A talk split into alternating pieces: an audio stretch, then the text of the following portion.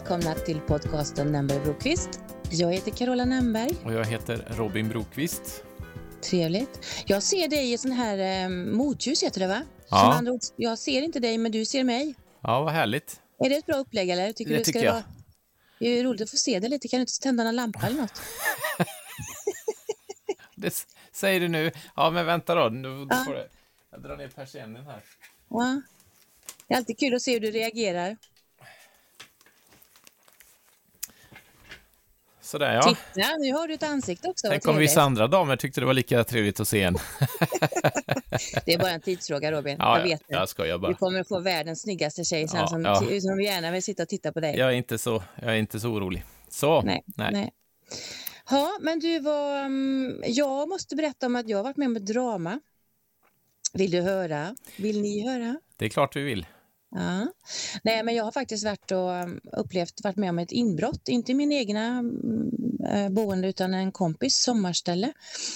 Och, ehm, och det hände igår och nu sitter vi här och har vi pratat om det i några timmar här och, och så. Och ehm, då inser man också vad viktigt det är det här att man får prata av sig, hur man upplever saker och sådär. Och då tänkte jag att det faktiskt kunde vara ett ämne vi kan prata om, det här med, eh, med känslor.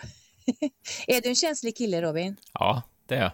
Gråter du då, eller hur är du? Nej, jag gråter, eh, jag gråter väldigt sällan faktiskt, tyvärr. Det är oftast när det är bra musik som berör mig, då, då har jag svårt att hålla tårarna tillbaka faktiskt. Häftigt. Men annars så är det, ja tyvärr så är det, men ändå känslomänniska får man ju säga, liksom sådär, ja känslig, men, eh, men mest musik, när, om, om man ska börja gråta. Mm. Mm. Men du, vad, vad tänkte jag på? Vad, är det något du alltid varit på det viset eller grät du inte som barn och så? Eller var det liksom... nej, jag slog alla andra ungar så de grät. nej, så var det inte. Nej, eh, nej men eh, ja, det har nog, det är klart man grät som barn. Det gjorde man mm. väl. Men, jo, men jag eh, fattar det. Man, men just det med, men har det liksom, som kille så tänker jag, är det någonting man, lär man sig det att man inte ska gråta eller, eller har, har det varit något, har ni snackat något om det hemma eller så, eller har det bara varit Det har jag faktiskt eh, inga, inga direkta minnen av sådär, eller någon, någon upplevelse av så. Det har nog alltid varit okej okay att gråta, det tror jag. Mm, mm. Eh, men sen kan jag tänka mig i skolan så var det väl att man inte ville gråta, liksom, för då stod alla och tittade och då, det var man väl likadan. Var det någon som grät så kollar man ju. Liksom. Mm, då blir man mm. ju, och det är väl den här utlämnad situationen. Man vill inte visa att man är sårad kanske? Eller nej, så. nej ja. precis. Mm. Så, men eh, nej, jag har inget emot att, att gråta om det är befogat, eller på säga. Mm, mm. Men eh, sen är jag en sån där som kanske ser, hellre ser möjligheterna än, än problemen mm. i livet. Då, men du... ja, det ena behöver ju inte utesluta det andra. Man kan ju vara känslig och gråta för det, men, men jag har inte när till gråt, om jag säger så. Då. Nej, för jag tänker också, vad, hur definierar man känslig, liksom, om man är känslig och så? Det, och jag tänker ju direkt på gråt, tänker jag. Liksom att jag. Jag är ju själv en sån människa som jag gråter ju för, jag kan ju titta på tecknat och gråta om det är någon, någon liten sorglig varelse som eh, far illa på när det är tecknat, så, så får jag mm. tårar i ögonen. Jag gråter för nästan, äh, det, och det tycker jag är jättejobbigt. Men samtidigt så känner jag väl det också att det är en äh, möjlighet att varför är det, ja, varför, varför är det jobbigt? Nej, men det är ju det här att man tycker det är jobbigt att visa att man, att man blir berörd. Att det, det här är ju så pinsamt, tänker jag. Liksom. Det här, här sitter jag och gråter för Karl-Bertil Jonssons julafton som jag vet storyn och alltihopa, men det, det på något sätt så berör det mig. Jag, jag, tycker att det är, jag förstår väl att det är en bra grej också. För det innebär ju också att jag gråter för annat också som är jobbigt i livet och så. Att det kommer över mig och att det kommer ut. Så därför mm. så tror jag att jag, jag är tacksam för det. Eh, för att jag, men samtidigt så tycker jag också att det är jobbigt för att ibland vill man inte visa sig sårbar i vissa situationer. Nej. Men det är jätte, men det, är liksom, det går inte att hindra. Man kan ju inte gå omkring med solglasögon liksom, um, inomhus eller så. Det, det, nej, det är ingen... Um, jag kan tycka att det känns... Uh, jag känner mig... Det stör mig ibland. Mm. Men, men jag måste nog säga att det är nog mer positivt än negativt.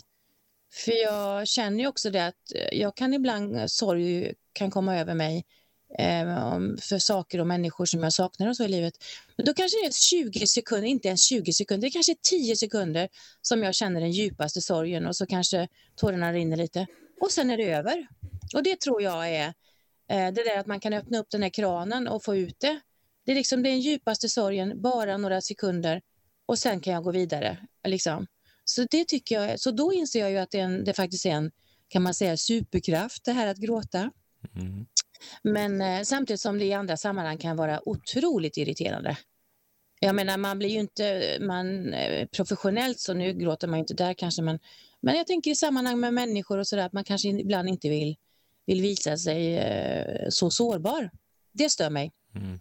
Men, eh, men vad, hur definierar du liksom att vara känslig? Jag tänkte bara, jag tyckte det var eh, en fin, fin omskrivning på gråt, att det är en superkraft, för det är ofta så när man får som du säger, gråta av sig så det är en, det är en bearbetning av en process på något sätt. Mm, mm. Man eh, blåser eh, ut, ja. Man blåser ja, ut. Mm, ja. Precis. Som min mormor skulle sagt. Ja. ja. ja. Um, Ja, men eh, det är ju så här också att jag, jag får ju, jag läser ett sånt här eh, nyhetsbrev som jag får från en, eh, jag gick en kurs, jag har ju tjatat om i den här podden, men en Yale-kurs, det är jag lite stolt över, digitalt. Och hon heter Dr. Loris Santos och hon kör sådana här nyhetsbrev och nu senast så skickade hon ut då, då om vikten av det här med med att man ska ta tag i sina känslor. Um, för vi har ju en tendens lite grann i samhället, och, eller det är i alla fall min upplevelse här med att ja, men det, är, det är bara att tänka positivt och gå vidare och, liksom, och, och se det som att det är, det, det är bara att ta sig vidare. Men, um, men det här istället att man ska faktiskt eh, känna, um, det tycker jag är lite häftigt. Att man kan, man ska gå in och känna sina, uppleva sina känslor liksom och så, och så faktiskt ta det som ett, vad är det för någonting kroppen vill säga mig? Hur gör man det då? Ja, det är en bra fråga. Um, jag tänker jag... att sätta sig ner och stilla ner sig kanske, eller att liksom ge tid för reflektion, eller det måste ju vara ett, ett sätt i så fall. Ja, och det här också att man funderar på, men varför blev jag, känner jag som jag känner. Och så Ibland är det ju så att man, det kanske inte är ilska utan det kanske är att man känner sig övergiven eller att man känner sig förbisedd eller det här att man kanske blir, man reagerar och så tänker man direkt att åh jag är så arg på den här personen. Och så är det, ja men varför känner du det här? Att man liksom tar tid och funderar på varför känner jag som jag känner och vad är det egentligen jag känner? Um, det tror jag är jätteviktigt, att man, man faktiskt eh, tar sig tid och, och funderar på vad är det för någonting som är och inte bara sveper ja, men jag är så arg, utan nej, jag är faktiskt besviken. Och det, jag, den här besvikelsen gör att jag känner mig oälskad eller oprioriterad eller vad det nu kan vara för någonting. Jag tror det är jätteviktigt. Mm. Mm. Har, du, har du någon sån där um, strategi när du, när du är ledsen? Hur tänker du då? Det beror väl på vad det, vad det gäller, men eh, det är väl ofta att, att prata med, med vänner och föräldrar och sådana som känner en väl. Det tror jag. Mm. Det här mm. det är också att öppna på fördämningsluckorna på något sätt och få, få ut det och, och få någon slags respons på det, hur, hur de tänker kring det. Liksom. Mm. Eh, jag letar efter ett ord i hjärnan här, men det är borta tror jag. Input ja. tänkte jag. Nej, men det är bra ja, för andras ja. input. Det är ett bra ord. Mm. Mm. Eh, sen så kanske det tar ett tag innan man förstår att den inputen är rätt, för man kanske inte håller med om när man är uppe i en känslomässig situation. Men efter ett tag så inser man att jo, men det, det är ju så faktiskt. Sådär. Men eh, prata är ju en, en bra sak eh, mm. faktiskt. Mm. Med någon som man har förtroende för eller några. Det, det har varit Ja, det har varit ganska mycket prat, tycker jag, mm. de senaste åren. Mm. Eh, men det, det är ju fantastiskt också, för det är ofta så... Ja, det är, det är väl också en superkraft, kanske. Gråta mm. och prata. Mm. Mm. Och det här kanske också att man inte har någon prestige utan man känner att man faktiskt kan öppna upp om hur man känner. Hur man känner. För oftast får man ju det här, liksom, då är det någon som kopplar tillbaka, återkopplar och säger ja, men det där, jag känner ju precis likadant, eller mm. det där har jag också upplevt. Så, men också det här viktiga när man är, det, det, kan man ju tänka på som när man är, när man skulle, om man lyssnar på någon som är ledsen eller, liksom, eller besviken eller behöver prata av sig, att man inte kommer med massa råd utan oftast, det brukar jag säga faktiskt ibland när jag känner att jag jag vill, behöver bara få prata och ösa ur hur jag känner. Mm. Och, och så säger ja, nu är det så här, jag, jag vet, jag, har, jag, jag, jag behöver inte ha några råd utan jag vill bara få berätta hur jag upplever det. Och det är liksom inte, jag, jag känner inte att jag behöver någon liksom så, utan jag vill bara få, få berätta hur jag upplever det. Och, så, så att jag har liksom gjort klart det. Mm. För det finns ju nästan ingenting värre än när man, när man liksom öser ur sitt hjärta och, och, och, man vet ju också att ja, men det här är löjligt och du sätter det här i perspektiv, vad är, vad är, du lever ju och allt det här, de här tankarna som man också har. Men nu vill jag bara tycka synd om mig själv. Nu är det, nu är det synd om mig för att det är så här. Och det är inte, nu, nu, nu fokuserar vi på det och sen så, så, och då känns det mycket bättre tycker jag. Så det, jag tror man får vara tydlig med hur man vill också att man ska bli lyssnad på. För många, alla vill ju hjälpa oftast. Och då, då tänker de det att men nu, vill jag, nu ska jag komma med goda råd och tips här. Men det är faktiskt inte det man behöver, utan det man behöver det är någon som lyssnar och, och faktiskt kan ändå förstå att det här är jobbigt för den personen eller så, för mig. Det, det uppskattar man ju så hos mm. vänner och, och mm. familj och så. Sen är det klart det beror på vad man har för relation också. Jag tror att en smart grej för jag träffade en, en god vän för inte så länge sedan som hade det väldigt jobbigt. Eh, och som hade en självbild som jag såg, det här stämmer inte för fem öre. Eh, att då ställa motfrågor istället om den här. Mm. Alltså inte säga, ja men gör så här, utan, för det där tror jag inte heller blir så bra, utan ställa motfrågor som leder till att den här personen ser att, ja men det här, det som jag har sagt, det stämmer ju inte för fem öre. Det jag mm. säger, det är ju faktiskt fel. När alltså, man får upp ögonen själv, det har jag ju varit själv med om. Att, ja just ja, men det kan ju inte stämma om jag har den här självbilden, för då, är det, då stämmer det inte överens med verkligheten. Mm. Vet Så. du vad du gjorde nu? Nej. Du berättar, nu, nu talade du om ett sätt, ett coaching, eh, en coaching, ett coachingprocess. Aha. Ja, det, det bygger kanske på kan, det. Kanske kan ja. få jobb hos dig då? Ja, kan du få. Ja. Det kan få vara min, min när jag har semester, då kan du få dyka upp.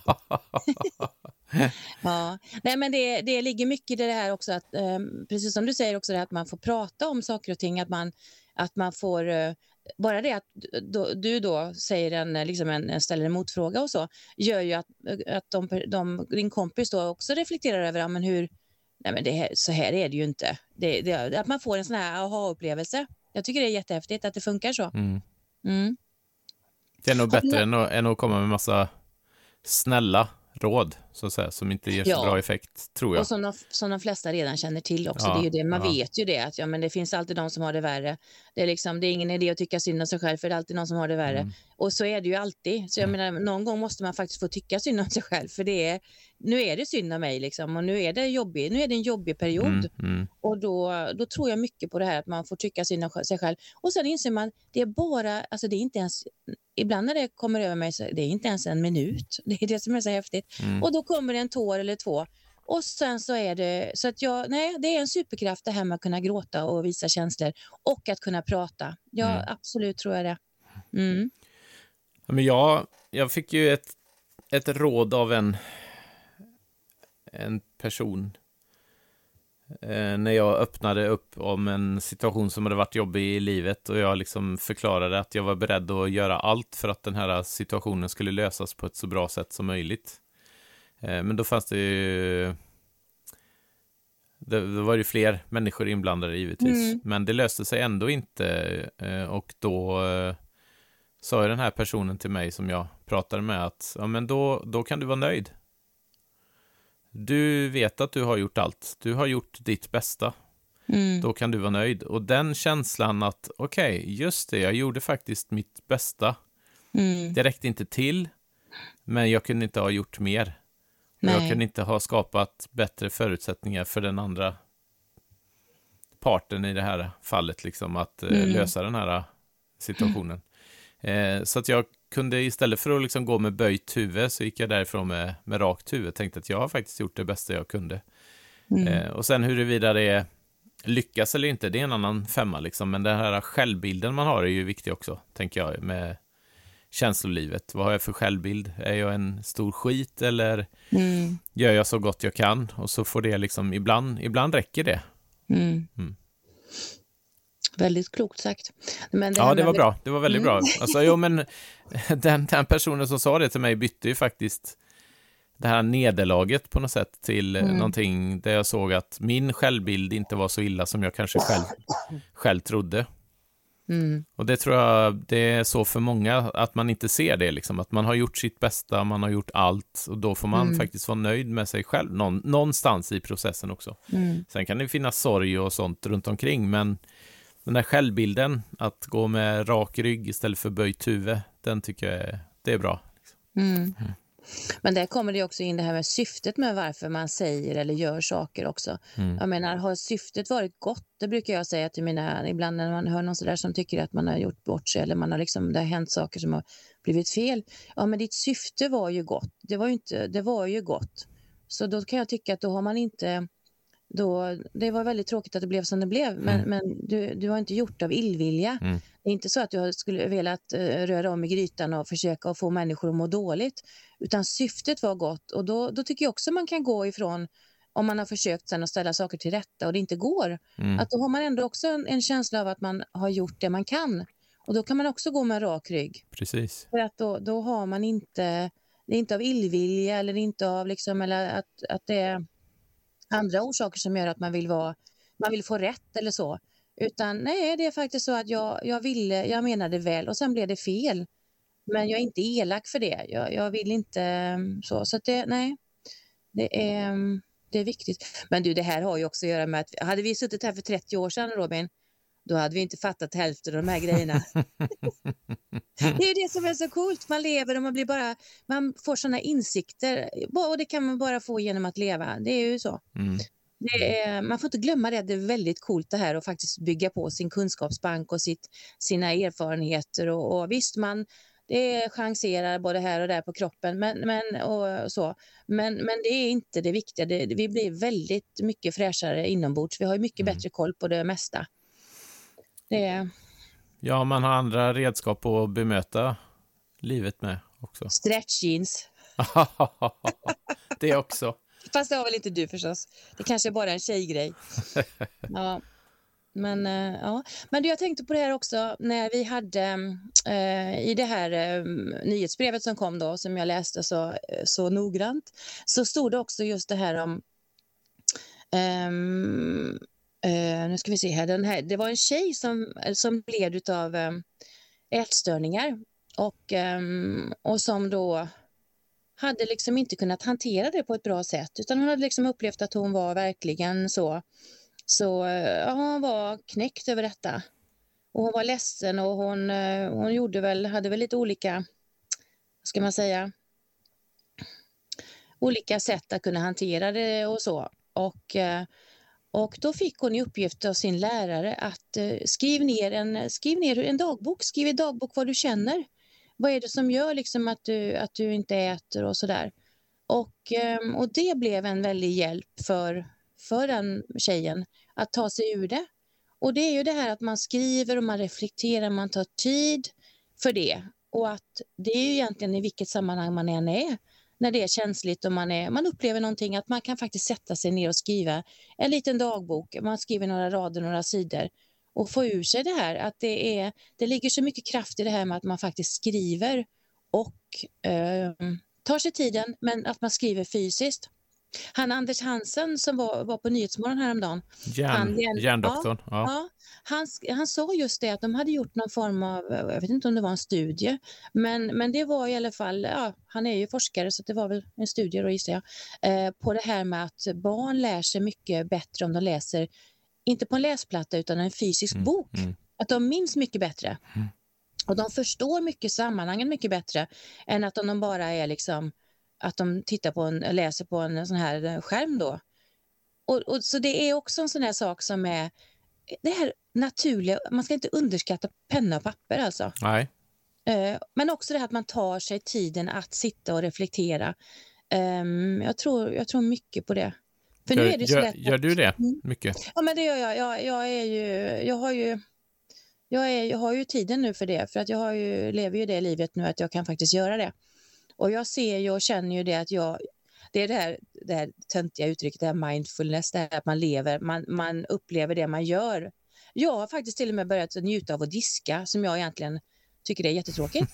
Så jag, jag, jag sätter upp min, min padda i, i köksskåpet ovanför diskbänken och så står jag där och tittar lite grann på någonting så går det något i bakgrunden och, och så står jag där och bara jag bara tänker och är och liksom, det är inte så att jag tittar på filmen utan jag bara kanske har det som, en, som ett eh, istället för en sambo har jag, har jag, har jag dem där. Det är, inte, så, det är inte så att man diskar bättre utan padda då? Nej, utan det är bara, men det är bara lite, lite, lite ljud sådär, du vet, lite bakgrundsljud. Ja.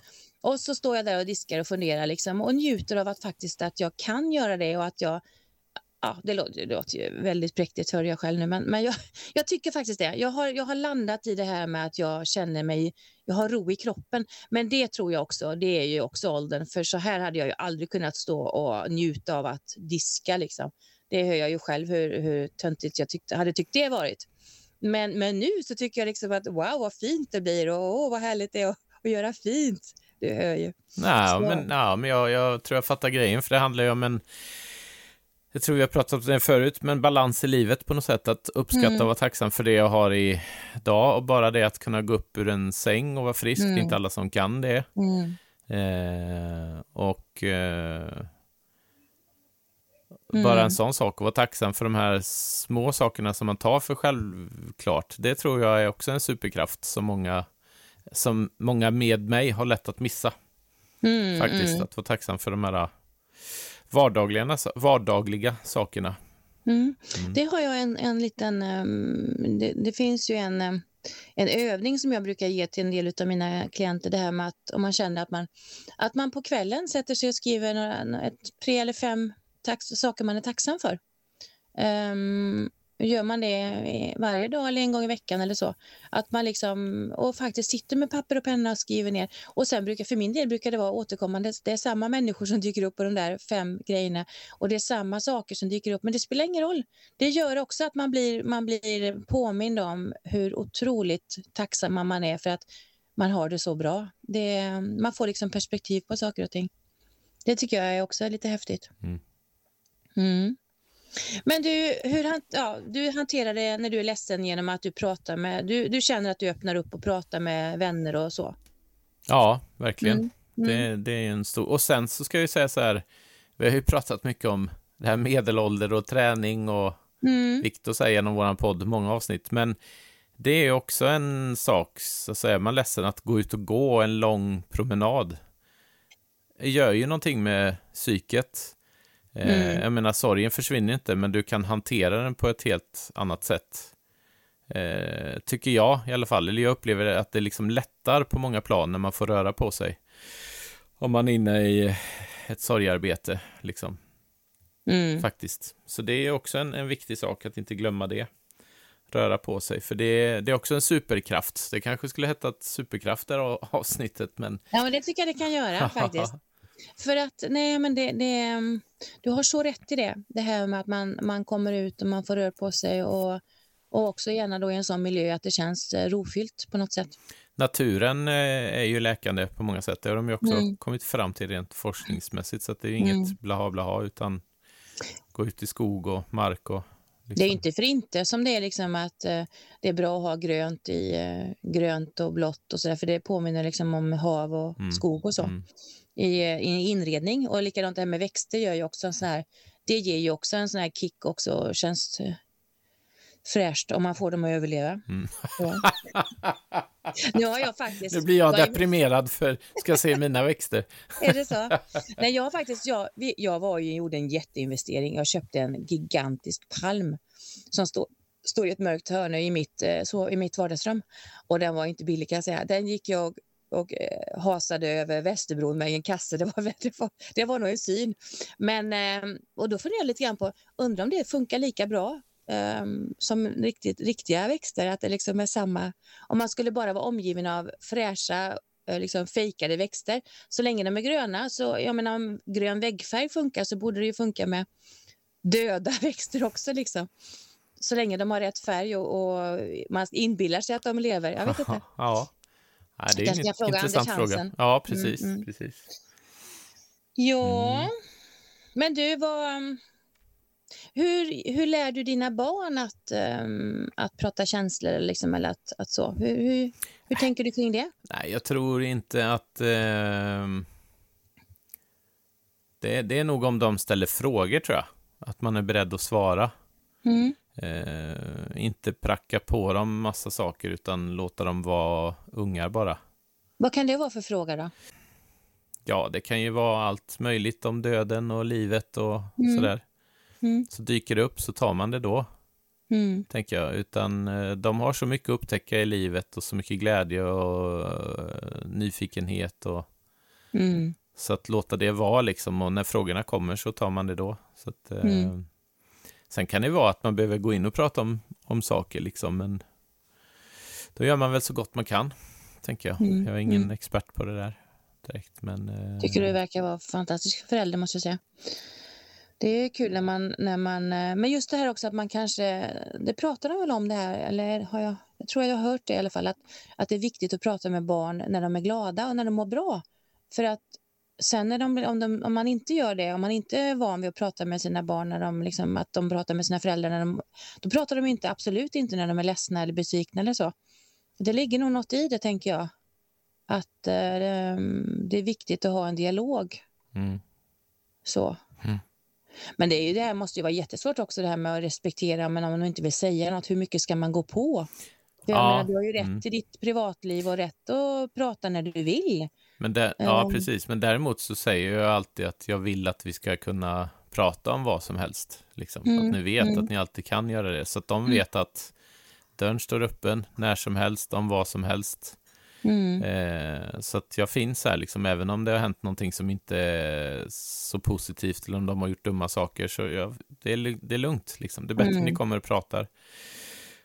Jag tror att, den, att, att veta att den dörren står öppen, det är viktigt, tror jag. Så mm. den dagen mm. när de behöver det, då, då kommer de, förhoppningsvis. Mm. mm tycker det låter jättevettigt. Ja, men jag tror pressa fram saker, då blir, då blir det jobbigt istället. Då får det motsatt effekt på något sätt. Ja, ja. men samtidigt så får man väl inte heller ge sig, tänker jag. För ibland kan man tänka att man, folk ger sig lite för lätt. Men, men det, ja, det, det, måste, det är ja. såklart det är så personligt och det får man ju... Det är personligt och det beror på vad, vad som mm. händer i livet och mm. jag menar, det kan ju vara jättesvåra situationer kring, kring barn och så också. Och jobbigt för, som förälder givetvis, att ta tag i de där sakerna kan det ju vara olika situationer. Så är det. Det kan, ja. det kan vara olika. Ja, det kan det vara. Det ja, kan det verkligen vara. Ja. Mm. Men du, vad... Jag ser att jag hade skrivit en massa fantastiska lappar här, men jag har skrivit på engelska och så har jag skrivit med väldigt blek, blek blyert så att jag har, väldigt svårt, jag har väldigt svårt att tyda vad jag har skrivit. Ja, men då har jag berättat det, för det måste jag ju berätta. För när man frågar vissa ungar i skolan, Ja. Kan du tala om för mig här vad du har skrivit här? Så tittar de på pappret och så säger de nej.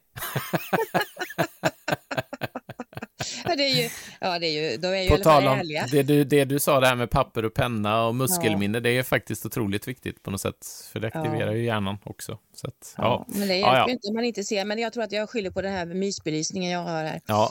Så, eh, men jag, jag tänker att något av det jag hade tänkt att säga har jag nog i alla fall frågat, tänker jag.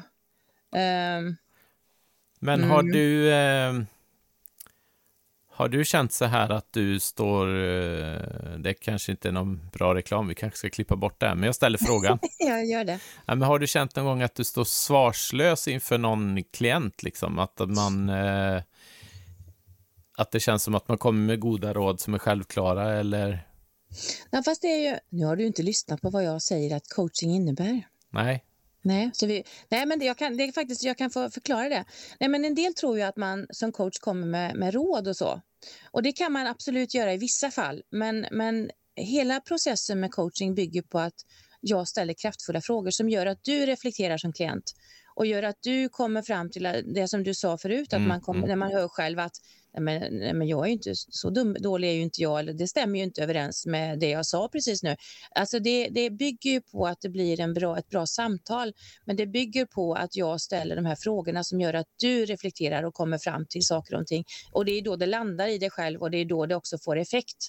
Så, så, um, så att um, Det vi var inne på förut, precis. Mm. Mm. Men det som är svårt då är ju det här att när man då vet och sitter inne med erfarenhet, eh, men ändå som sagt så, vi har ju erfarenhet, eh, och då är det ju väldigt, då skulle man så gärna vilja säga, ja men kan du inte göra så här? Tänk så här. Och, och så det, är- det är nog det jobbigaste. Um, man har så mycket bra att komma med. Nej, men det, det är faktiskt det, är det som är det jobbiga och det är det som är det svåraste att lära sig när man utbildar sig till coach. Det här att inte hoppa in och ge massa råd och, och liksom ge, utan att det, det funkar, det ska inte vara på det viset utan det är liksom, tanken är ju då att du själv liksom kommer fram till det. För då landar det i kroppen, det landar i, du, du säger det själv, du hör hur det låter, du fattar att ja, men okej, det här är ju inte, ja, så här är det eller så här är det. Och då, då blir det, då, då händer det något. Så eh, det var en bra fråga fast det var en jättekonstig fråga. Ja. Så jag är nöjd med den. Ja, Ja. Har du fattat nu då? Kommer ja, du fråga ja den här igen nu, nästa nu, gång? nu har jag fattat. Nu har Mm, polletten mm. trillat ner. Annars kan du göra en övning och skriva ner det så. Mm. Men då tänker jag så här, de här gångerna när eh, de, du skulle vilja säga, kan du inte tänka så här istället, då kan man inte ställa de ledande frågor dit fram då, så att den kommer fram till dig själv? Jag vä- väljer att inte svara på det. Ja, okej. Det, fi- det, Det finns var en ledande komma- fråga. Sätt att Ja. komma runt det, det gör det faktiskt. Ja. Mm. Ja. Och då kan man också hoppa in med lite övningar och sånt där också, Mm. som gör att eh, man kommer kanske i, en viss riktning och så. Mm. Så det är väl som allt, man lär sig och, och, och eh, ja, och utvecklar också och, och får till ett bra... Det är ju det här sam, samspelet mellan klient och coach är ju väldigt viktigt. så. Mm. Men, eh, men Robin, jag måste säga att du är en av de personerna som jag känner att jag kan komma och berätta allt. Jag skulle kunna fulgråta inför dig också, faktiskt. Det går bra.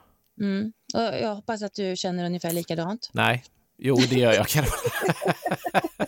Det, Ja, nej, det- jo, det vet, det vet du. Jo, vi vet ju det. Ja, Och ja. det är det som är så häftigt också, tycker jag, det här med, med eh, vänskap och så. Att, att eh, vissa människor kan man när som helst i livet liksom, uh, ja, på något sätt connecta med igen. Och man är, det är som min kompis här nu, vi har så fruktansvärt roligt och vi är lika, vi är faktiskt lika, lika ja, ja, vi har inte sett, men vi har inte, ja, men vi har inte sett på 20 år. Vi har faktiskt inte det. Mm. Och vi har så trevligt, Mm, och, eller ja, det känner jag i alla fall. Ja. Jag frågar henne, inte känner så alls. Men, men eh, det är så häftigt att man på något sätt, Hon sitter och gråter i ett hörn och du coachar henne och skrattar. nej verkligen inte. Nej. Nej, men vi har, nej, men det, man känner ju det. Så jag, jag är övertygad om att hon också tycker att det här är roligt. Mm. Men eh, hade jag någon poäng med detta? Jag vet inte. Ehm, Jo, men det är väl en, en superkraft också, höll jag. Mm, mm. Att man också kan... Nej, men, ja, sen tror jag mycket på det här att man inte har blivit eh, gammal och bitter. För det är nog det enda som gör att man, att man eh, tappar glädjen och, eh, och också sin personlighet. Mm. ehm, som man kanske hade när man var lite yngre. Att ehm, så länge man så länge man inte liksom ser sig som något offer utan man faktiskt inser att man, man, man eh, ansvarar för sitt egna liv och sitt egna välbefinnande så, så blir det ju mycket lättare. Det blir ju det. Det blir det. Och Mm. det, det Mm. finns... Det har vi ju pratat, det pratade vi med Lena-Maria Mm, för, för ett par veckor sedan här, det här med hur man, hur man ser på livet och vad, vilken, vilken inställ, hur viktig inställningen är till saker och Mm. ting. mm, Sen är vi olika som människor, men jag tror att man kan lära sig att få ett mera, alltså hantera saker på olika sätt. Och se Mm. att jag är inte så värdelös som jag tror, utan jag har faktiskt kapacitet att, att tänka om. På Och många sätt. återigen, Om man är, säger, ja, när Mm. du säger värdelös och jag ser det och du säger bara det ordet, nu fattar jag att du kanske inte pratar om det själv, men kanske någon gång om man känner så, då, när du säger det så tänker jag så här, det är det sista som är liksom man kopplar ihop med Robin, det här att känslan av att, att du någon gång sitter och tänker att man är värdelös och det gör vi väl alla till mans. Jo, men det, ja, precis, jag Mm. tror det. Och då, då de här äh, superkrafterna, att prata med någon, ta långa promenader, eh, reflektera, som vi har pratat om, alla de här Mm. olika sakerna, de, jag tror att om man har det, om man har, känner att man har stöd någonstans, för jag menar, det, man, jag, är- när vi ändå pratar om känslor, eller känslor, eh, jag är ju inte en sån som fixar allting själv, även om jag oftast är väldigt positiv och ser liksom lösningar i saker och ting, så Mm. behöver man ju verkligen spy ut sig, eller få ur sig det som eh, är jobbigt ibland. Jag reflekterar, Ja. jag säger ju gråta, du säger spy. Ja, Vi har alla våra sätt få, få, få ur mig, menar jag. Jag fattar. Jo. Ja. Nej, men det är ju så. Man, man Mm. behöver ju liksom hjälp och, och stöd. Mm. Och det, det, är väl ett, det är väl ett jättestort problem i vårt samhälle Mm. i Sverige, där vi lever så många ensamma. Om man tittar på andra kulturer eh, som jag har sett och fått ta del av, liksom där man eh, samlas från minsta spädbarn till gammelfarmor som är snart är 100 år, liksom, och alla äter tillsammans. Och, Var har du varit någonstans? Ja, det kan, du, kan jag tala om för dig sen efter podden. Nej, men det, det, du Mm. behöver aldrig vara ensam. Liksom. Du har, och, och det kan ju vara jobbigt för en svensk, för vi är ofta så här, vi behöver egen tid och, Mm. och så där. Men å andra sidan så är det väldigt många som sitter ensamma och kanske blir bittra på grund av det och inte ser lösningarna. Liksom. Mm.